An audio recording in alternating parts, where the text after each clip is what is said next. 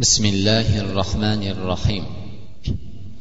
الحمد لله الحمد لله رب العالمين والصلاة والسلام على سيدنا نبينا محمد وعلى آله وأصحابه أجمعين. أما بعد alloh subhanava taolo hammalarimizni iymonda ibodatda sobit qadam qilsin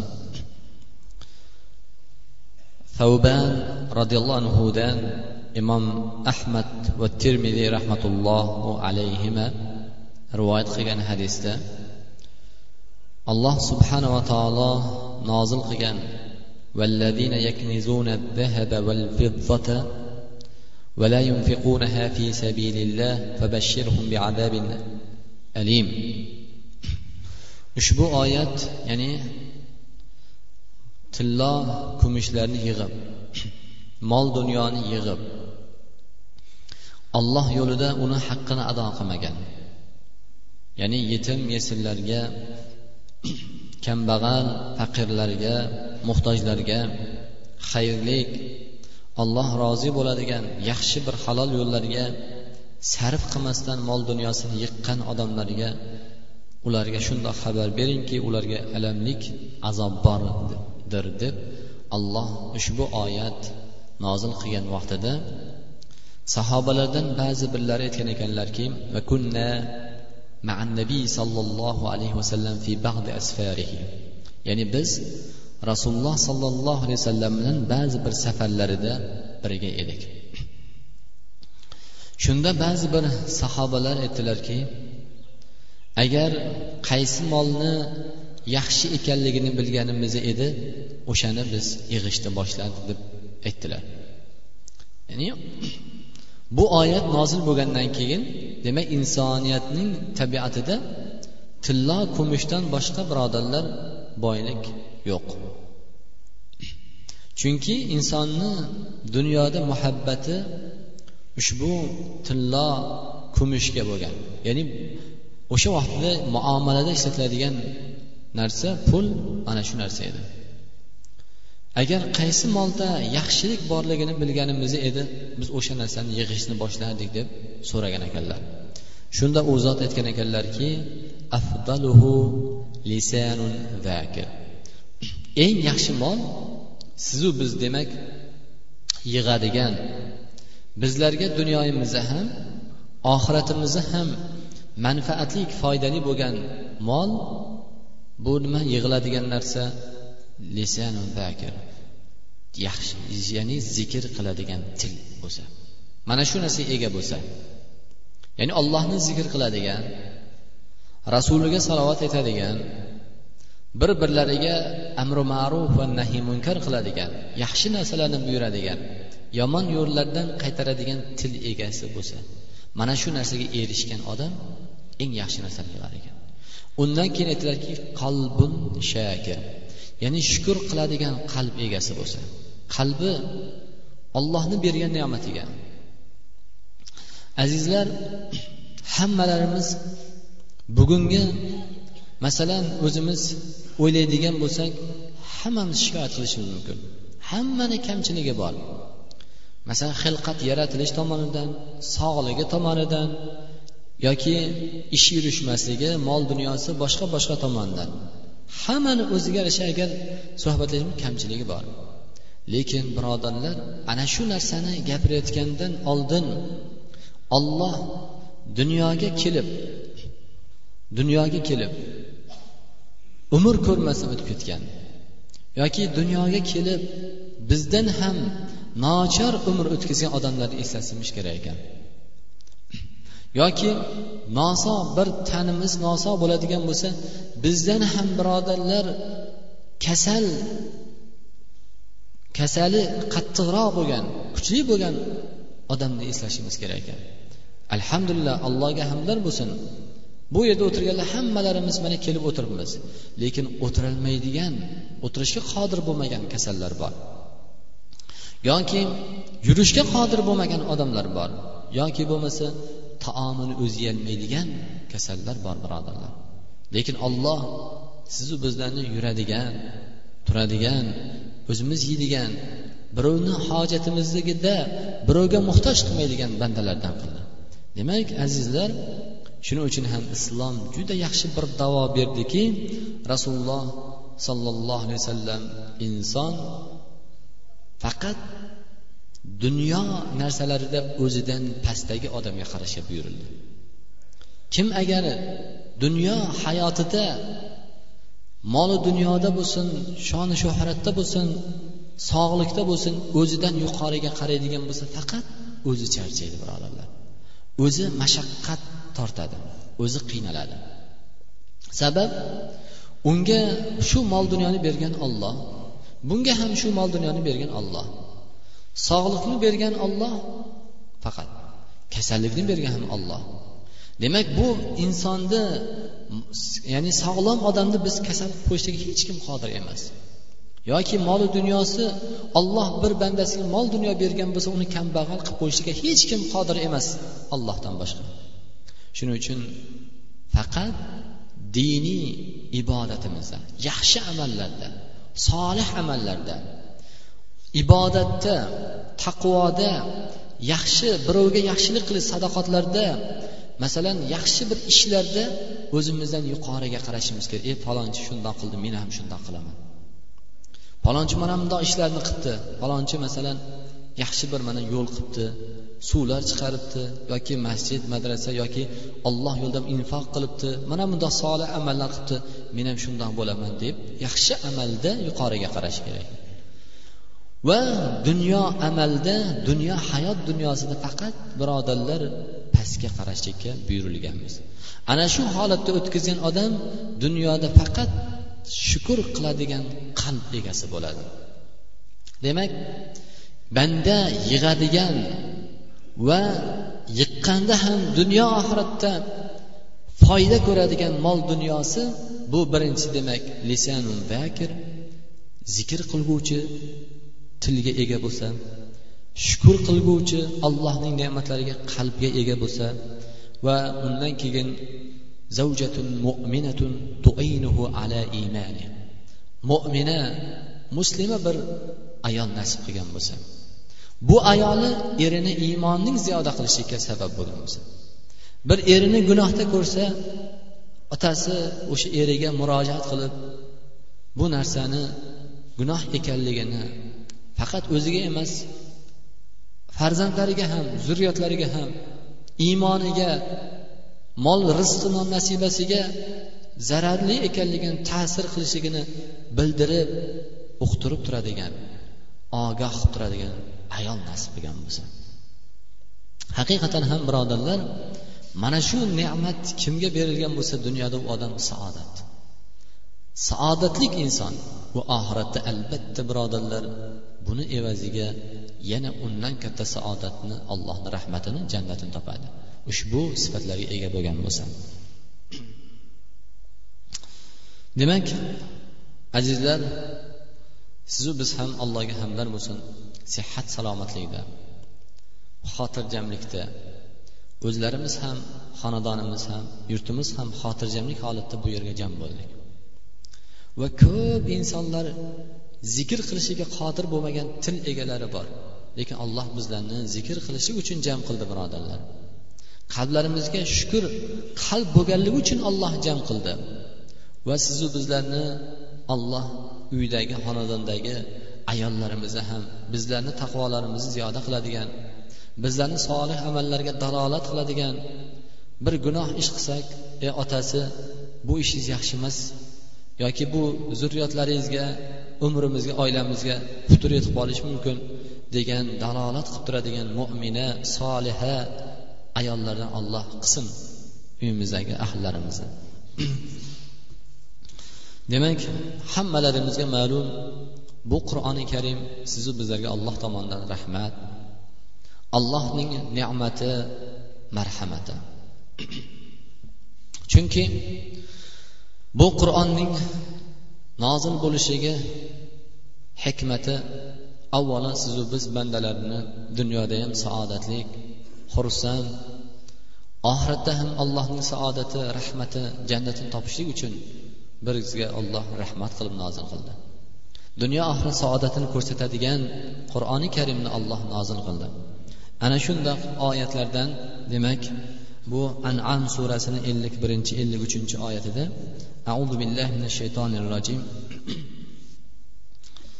قل تعالوا أتل ما حرم ربكم عليكم ألا تشركوا به شيئا وبالوالدين إحسانا ولا تقتلوا أولادكم من إملاق نحن نرزقكم وإياهم ولا تقربوا الفواحش ما ظهر منها وما بطن ولا تقتلوا النفس التي حرم الله إلا بالحق ذلكم وصاكم به لعلكم تعقلون.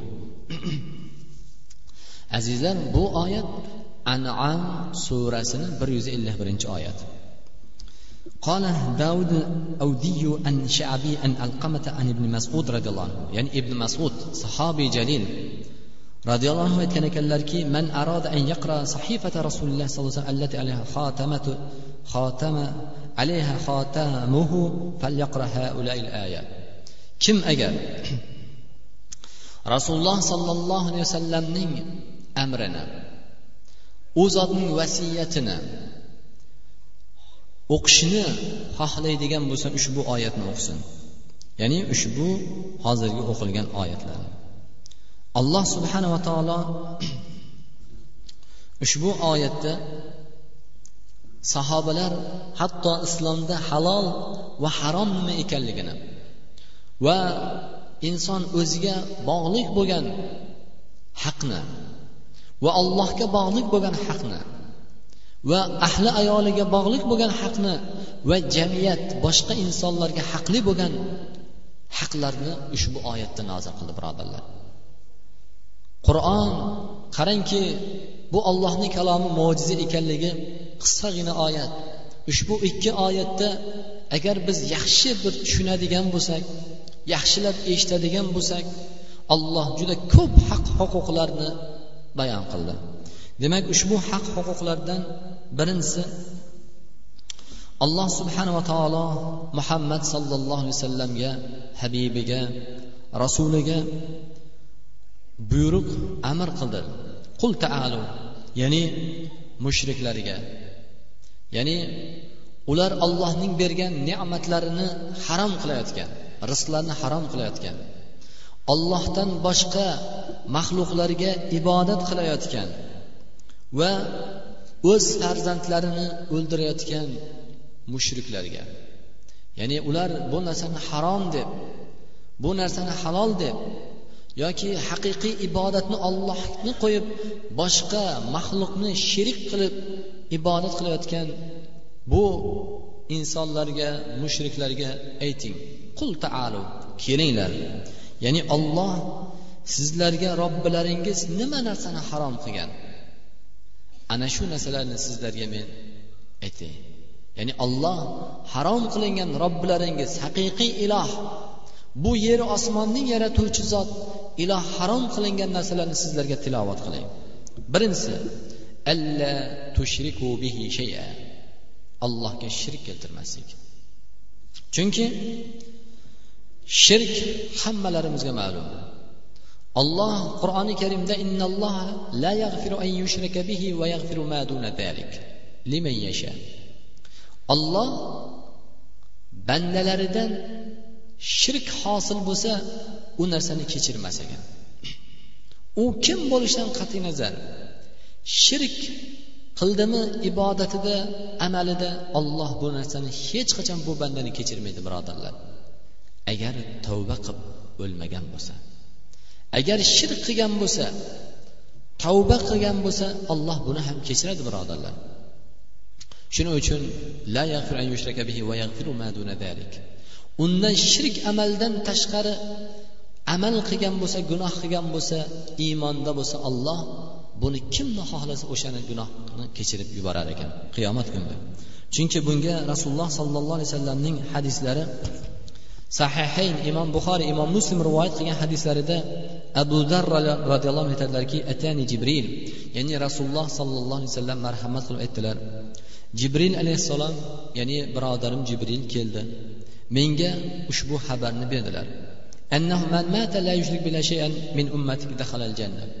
Ya'ni sizni ummatingizda kim mushrik bo'lmagan holatda qilayotgan ibodatida shirik shirk qilmasdan o'ladigan bo'lsa u jannatga kiradi dedi birodarlar. Bu ummat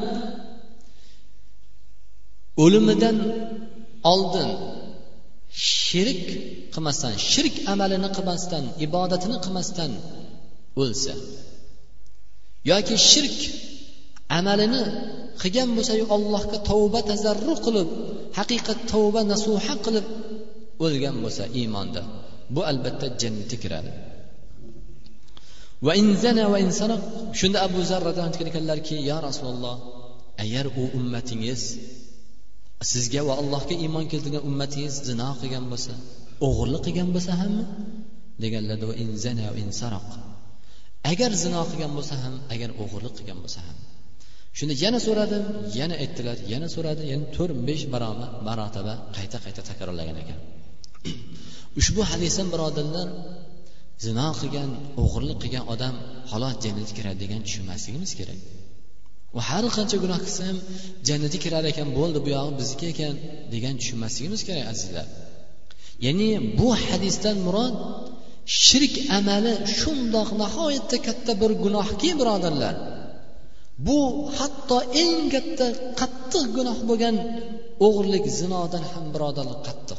Ya'ni tavba qilmasa agar bu odam mushrik holatda o'ladigan bo'lsa birodarlar buni gunohi nihoyatda og'ir ekanligini inson har qancha gunoh qilsa ham lekin allohni rahmati shundoq bir ulug' ekanki katta ekanki uni gunohlarini mag'firat qilar ekan. Lekin shirk qilmagan bo'lsa.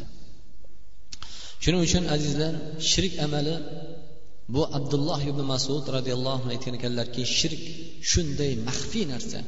Shundoq yashirin narsa shirk amali ibodatlarimizda birodarlar. O'qiyotgan namozlarimizda qilayotgan sadoqatlarimizda amallarimizda birodarlar shirk amali shunaqangi maxfiyki bu narsani abdulloh ibn masud sifatlagandek shirk shundoq maxfiy sizlar uchun. Buni uncha muncha odam bilmaydi. Bu narsani shirk ekanligini bilmaydi. Shirk shunchalik maxfiyki qop qorong'i zulmatda. Hech narsa ko'rinmaydigan zulmat kechada.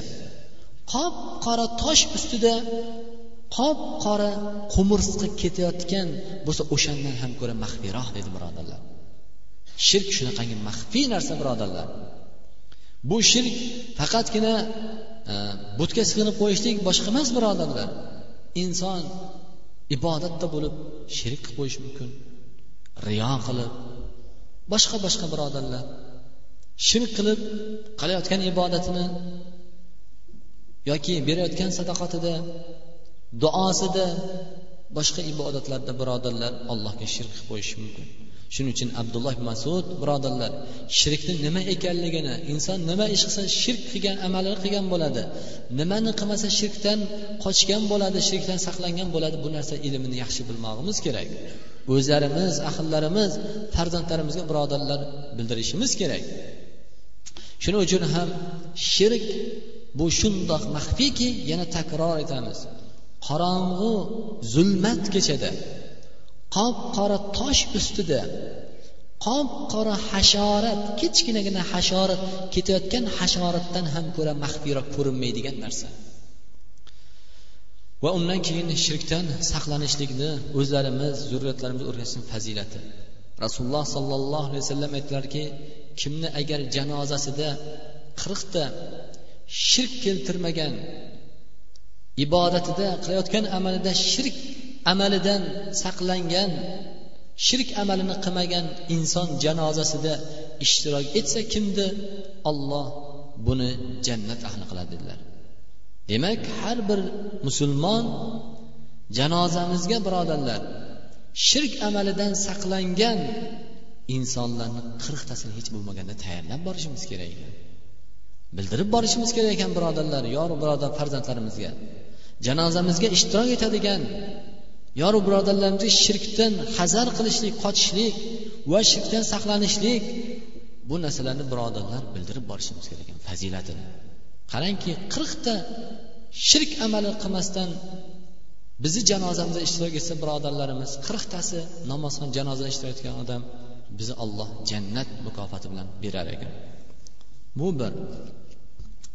Ikkinchidan alloh subhanava taolo demak alla tushriku bihi shayan allohga shirk keltirmaslikni buyurdi. Va undan keyin qarangki allohni haqqini birinchi o'rinda o'zi qo'ydi. Va bil validin ihsan. Ota onalaringizga yaxshilik qilinglar. Ota onalarimizga yaxshilik qilishlikni buyurdi. Bu birodarlar olloh kim ota onaga oq bo'lsa birrul validayn ota onaning toatida jumalar o'tgangi jumalarimizda hammalaringga batafsil inshaalloh qo'limizdan kelgancha yetkazdik. Alloh u ota onalarimizni toatida bo'lmoqlikka xizmatlarida bo'lmoqlik rozi qilmoqlikda alloh sizlarga ham alloh bizlarga ham alloh nasib aylasin. Demak ota onani ehson yaxshilik qilmoqlik toatida bo'lmoqlik. Shuning uchun ham sahobalar so'raganda eng yaxshi amal nima deb so'raganlarida rasululloh namozni o'z vaqtida ado qilmoqlik. Undan keyinchi yo rasululloh deganda ota onani xizmatida bo'lmoqlik ota onaga yaxshilik qilmoqlik. Hatto ulamolarimiz ota onaga yaxshilik qilmoqlik shundoq shu darajada aytgan ekan birodarlar. Ko'pchiligimiz johillik qilib ota onalarimiz sunnat yaxshi bir muboh amalga buyurganda ham ota onalarimizga oq bo'lib qolamiz birodarlar. Alloh saqlasin. Hattoki ota onani toatida bo'lmoqlik shu qadar dinimiz buyurganki birodarlar agar ota aroq ichadigan bo'lsa ichishga piyolani olib kelib ber desa olib kelib bermaydi farzand. Bu bilan farzand ota onaga oq bo'lib qolmaydi balkim ota onani xizmatida bo'lgan bo'ladi. Otani dinidan chiqaradigan iymondan chiqaradigan gunohga boshlaydigan yomon shu aroqni ichishlikdan saqlashiga xizmat qildi. Demak bunda farzand birrul volidayn bo'lar ekan. Lekin ota ichib bo'lgandan keyin piyolani olib borib qo'y desa olib borib qo'yar ekan farzand birodarlar. Islom otani toatini onaning toatini nihoyatda ulug' darajaga qo'ydi. Buni birodarlar yaxshi tushunishimiz kerak. Otalarimiz sunnat yaxshi bir amalga buyursa hikmat bilan yoki bir adashgan bo'lsa noto'g'ri gapirsa hikmat bilan chiroyli bir iltifot bilan ko'ngilni ko'taradigan bir yaxshi so'zlar bilan birodarlar ularniga tushuntirishimiz kerak. Ko'p farzandlarimiz ko'p ya'ni insonlar ota onalar bilan farzand o'rtasidagi aloqani yomon bo'lishiga sabab farzandlar ota tushunmabdi mayli. Olloh bizga tushunishlikka farzandlarga alloh muvaffaq qildi.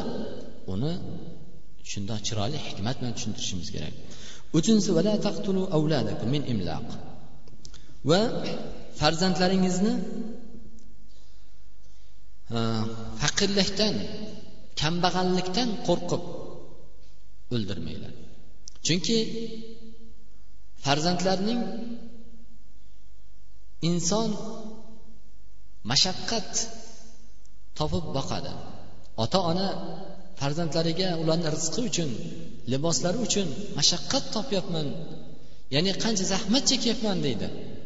Lekin olloh shirk johiliyat vaqtida keng avj olgan. Agar qiz farzand tug'ilgan bo'lsa tiriklayin ko'mib yuboradigan. Hatto ochlik sababidan o'g'illarni ham o'ldirib yuboradigan holatlar bo'lardi. Bular olloh ularni harom ekanligini bu ishlarni ya'ni vala taqtul avladakum ya'ni farzandlaringizni kambag'allikdan agar kambag'allik vujudga kelgan bo'lsa ham boshingizda sizlar ularni farzandlaringizni ye farzandim shu bitta bo'lganda qiynalmasmidim yoki farzandim bo'lmaganda hozir shu ochlikda qolmasmidim degan narsani qilmanglar. Fikrni ham birodarlar. Chunki olloh ushbu oyatni davomida nahnu narzuqukum va iyyahum sizlarni ham rizqlaringizni va farzandlaringizni ham rizqlarini beruvchi bizmiz deb olloh bayon qildi. Haqiqatan ham birodarlar bu farzandni ko'pligidan boshqasidan ko'rmaslik kerak. Bu insonni iymondan chiqarib qo'yadi. Chunki olloh rizqni olloh beradi deymizu lekin mana bunaqangi bir holatda agar farzandim oz bo'lganda qiynalmasmidim degan narsa gumonga kelib qolsa birodarlar iymondan chiqib qoladi. Chunki allohning razzoqlik rizqni beruvchilik sifatiga iymonsiz bo'lib qoladi. Shuning uchun ham bu birodarlar farzandlarimiz rizqini ham ollohdan deb. To'rtinchisi demak vala taqrabu olloh sizu bizlarni fohish ishlardan maxfiy bo'lsin oshkora bo'lsin u narsani saqlanishlikka buyurdi. Xuddi shunday yuqori demak uchinchi masalaga taalluqli birodarlar homilada ham. Farzandim ko'payib qoldi ba'zi ko'p savollar kelib qoladi. Farzandi ko'payishligidan qanaqa boqasan qanday endi buni nima qilasan deganlarni eshityapmiz birodarlar. Demak agar homilani oldirsa yoki homiladan man qiladigan ishlarni qilsa bu farzandim ko'payib qolsa boqolmayman deydigan bo'lsa birodarlar bu gunoh kabira hisoblanadi. Homilani oldirib tashlashlik yoki homila bo'lib qolsa farzand bo'lishligidan saqlanib yo'q ko'payib ketadi endi bo'l yetadi boqolmay qolaman qiynalib qolaman deydigan bo'lsa birodarlar bu ham insonni katta bir gunohda ekanligiga alomati bo'ladi. Alloh taolo demak undan keyin olloh fohish ishlarni ko'ringan va ko'rinmagandan qaytardi. Sad ubada roziyallohu anhu aytgan ekanlarki agar men ayolim bilan boshqa bir erkakni nomahram erkakni ko'radigan bo'lsam qilich bilan o'ldirardim degan ekanlar. Shunda sahobalar ajablangan ekan. Sad ibn abu vaqqosni bu g'ayratidan sad ibn ubada roziyallohu anhu shunda bu xabar rasululloh sollallohu alayhi vasallamga yetgan ekanlar. Sad ibn ubada roziyallohu anhuni gaplari. Sahobalar ajablangan. Shunda faqola atajabuna min g'ayrat sad ya'ni sizlar sadning g'ayratidan rashqidan ajablanyapsizlarmi olloh nomiga qasamki men saaddan ko'ra g'ayrat rashqliroqman. Vallohi olloh mendan ko'ra rashqliroq. Min ajdalik shuning sababidan olloh harramal fawahisha ma zahara minha va ma batan. Ya'ni alloh subhana taolo ko'ringan oshkora va maxfiy bo'lgan fohish ishlarni olloh man qildi degan ekan. Demak birodarlar bir insonni bundoq ish qilishi gunoh ish qilishligi bu allohga boyitib yoki kam qilib qo'ymaydi noqis ayb bo'lmaydi alloh uchun. Lekin allohning bandalariga nihoyatda yaxshilikni ravo ko'rishligi allohning bandalariga shunday g'ayrati rashqi shu dunyoda bandalarim keldimi saodatda xursandchilikda oilada ham ko'chada ham oxiratda ham olloh mening rahmatimni topishlik topsin deb bandalarim olloh shunday rahmatan birodarlar bu narsani harom qildi.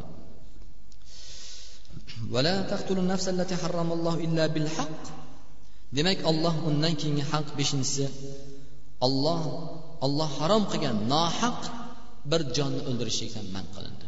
Olloh islom harom qildi birodarlar. Nohaq. Bu narsada rasululloh sollallohu alayhi vasallam aytgan la yahnu damu mri'in muslimin yashhadu an la ilaha illalloh anni rasululloh illa bi ihda thalath ya'ni musulmon odamni la ilaha illalloh muhammad rasululloh degan odamning qoni harom bo'ladi. Mumkin emas. Illa uchta narsada sayyibudani zaniy bo'lsa sayyiba ya'ni muhsin bo'lsa nikohlangan. Va nafsu bin nafs bir odamni o'ldirgan bo'lsa va tarku dinihi murtad bo'lgan bo'lsa dedilar. Birodarlar bu o'ldirishlik nohaq musulmonni emas. Kofirni ham g'ayri dinni bo'lishidan kim bo'lishidan qat'iy nazar birodarlar islom harom qildi bu narsani. Bu islom nihoyatda qattiq harom qildi. Bu narsani gunohi gunoh kabiralar kaboir gunohlarga kirgizdi. Agar bu narsani olsa imom zahabiyni kitoblariga qaytinglar. Allohni sizlarga buyurgan bu vasiyati amri. Agar sizlar aqllaringizni ishlatishlik uchun allohni bu amrlari sizlar uchun. Bu allohning buyrug'i yuqoridagi harom qilingan narsalar.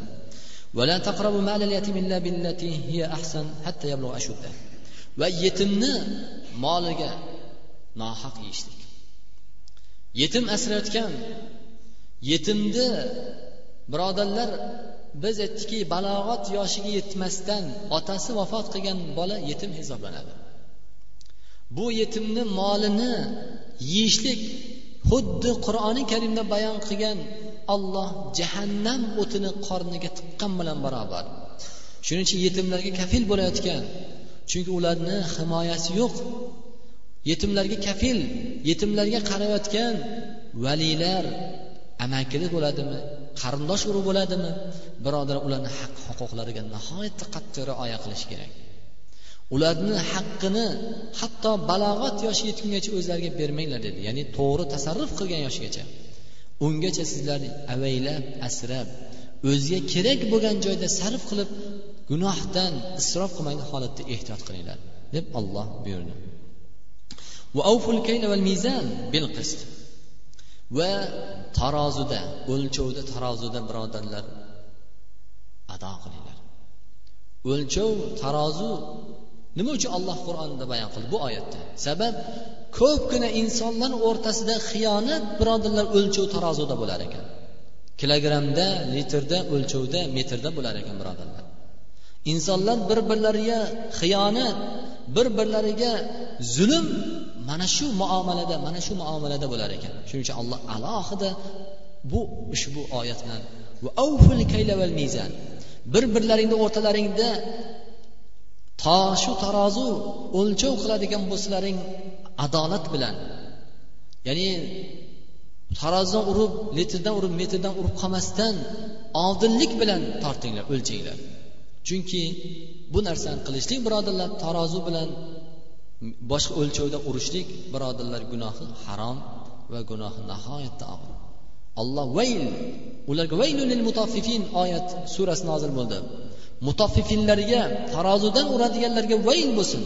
Ya'ni jahannamning eng qattiq azobi bo'lgan azobi bo'ladigan makonlar vayl deb aytilar ekan.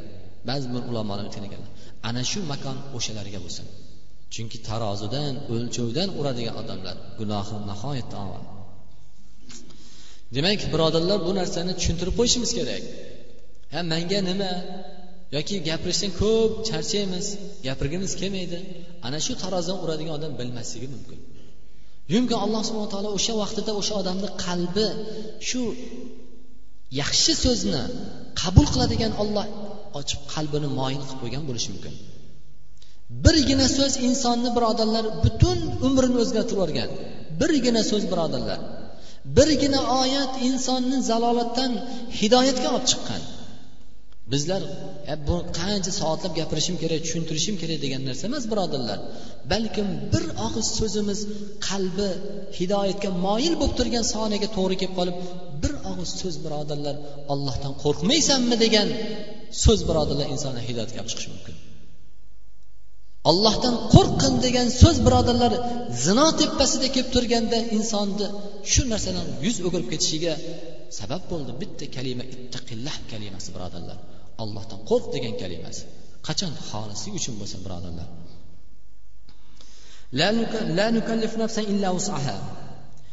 Biz ularni toqatidan tashqari narsaga buyurmaganmiz. Inson qo'lidan kelgancha ollohdan qo'rqib o'lchovni tarozularni haqlarini ado qildimi?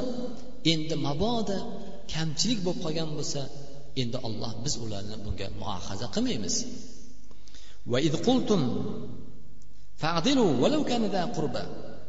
Sizlar agar bir so'z aytadigan bo'lsalaring odillik bilan turinglar. Er xotin o'rtasidami qarindosh urug' o'rtasidami agar qarindoshingiz bo'lsa ham birodarlar odil so'z aytinglar. Qultum bu qarindoshim bu tanishim bu men yaqinim va do'stim emas birodarlar. Kim bo'lishidan qat'iy nazar? Agar sizlar bir so'z aytadigan bo'lsangiz odil so'zni aytinglar haq so'zni aytinglar. Unga agarchi o'zimizni molimizga yoki o'zimizni farzandimizga zarar bo'lsa ham birodarlar. Mana shu narsa yo'qligi sababidan birodarlar biz avaylab asragan nechta farzand ko'rgan farzandlarimizni turmushini ajratishga sabab bo'lyapmiz birodarlar. Odillikda turmaguncha qizimizni erkaligi yo kuyovimizni kelinga haqqini ado qilmasligini zulm qilishligini biz tan olgimiz kelmayapti. Yoki qizimizni kuyovimizga haqqini ado qilmasligini tan olgimiz kelmasligidan chiroyli olloh farzand bergan chiroyli turmushning ajrashishiga birodarlar mana shu narsa ham sabab bo'lyapti. Ya'ni adolat odillik bilan tura olmasligimiz.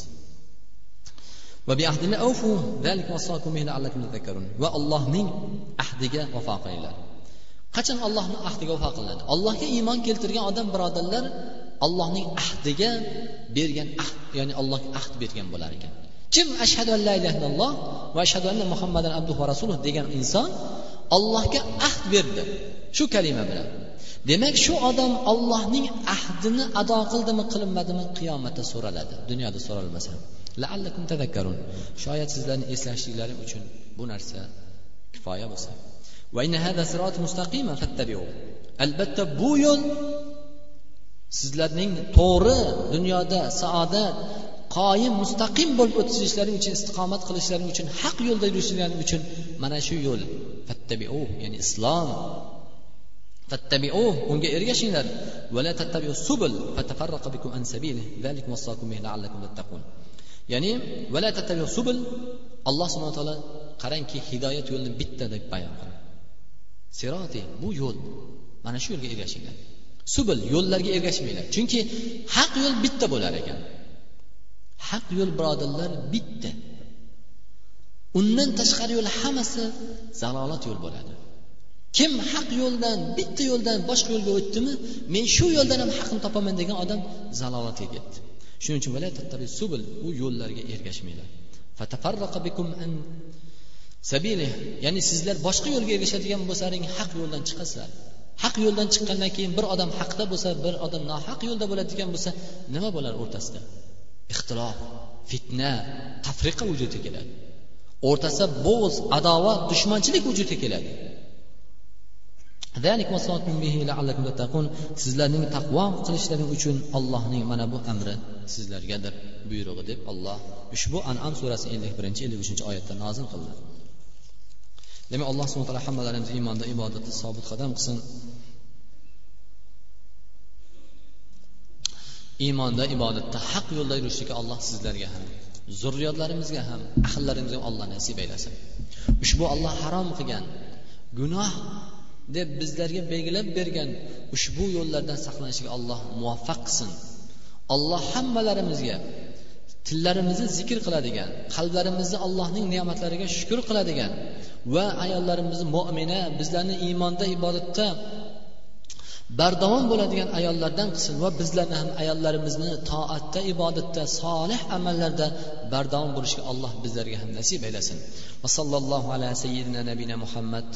Alloh o'zingdan iltijo qilib so'raymiz ushbu muborak kunda hammalarimizni iymonda ibodatda sobit qadam qilgin. Alloh senga hamdlar bo'lsin. Bizlarni alloh toatda ibodatda iymonda qilding. Senga olloh iymon keltirdik ahd qildik. Alloh bu ahdlarimizga vafo qilishga alloh bizlarga zurriyotlarimizga ahllarimizga muyassar qilgin. Ota onalarimizni alloh gunohlarini mag'firat qilgin.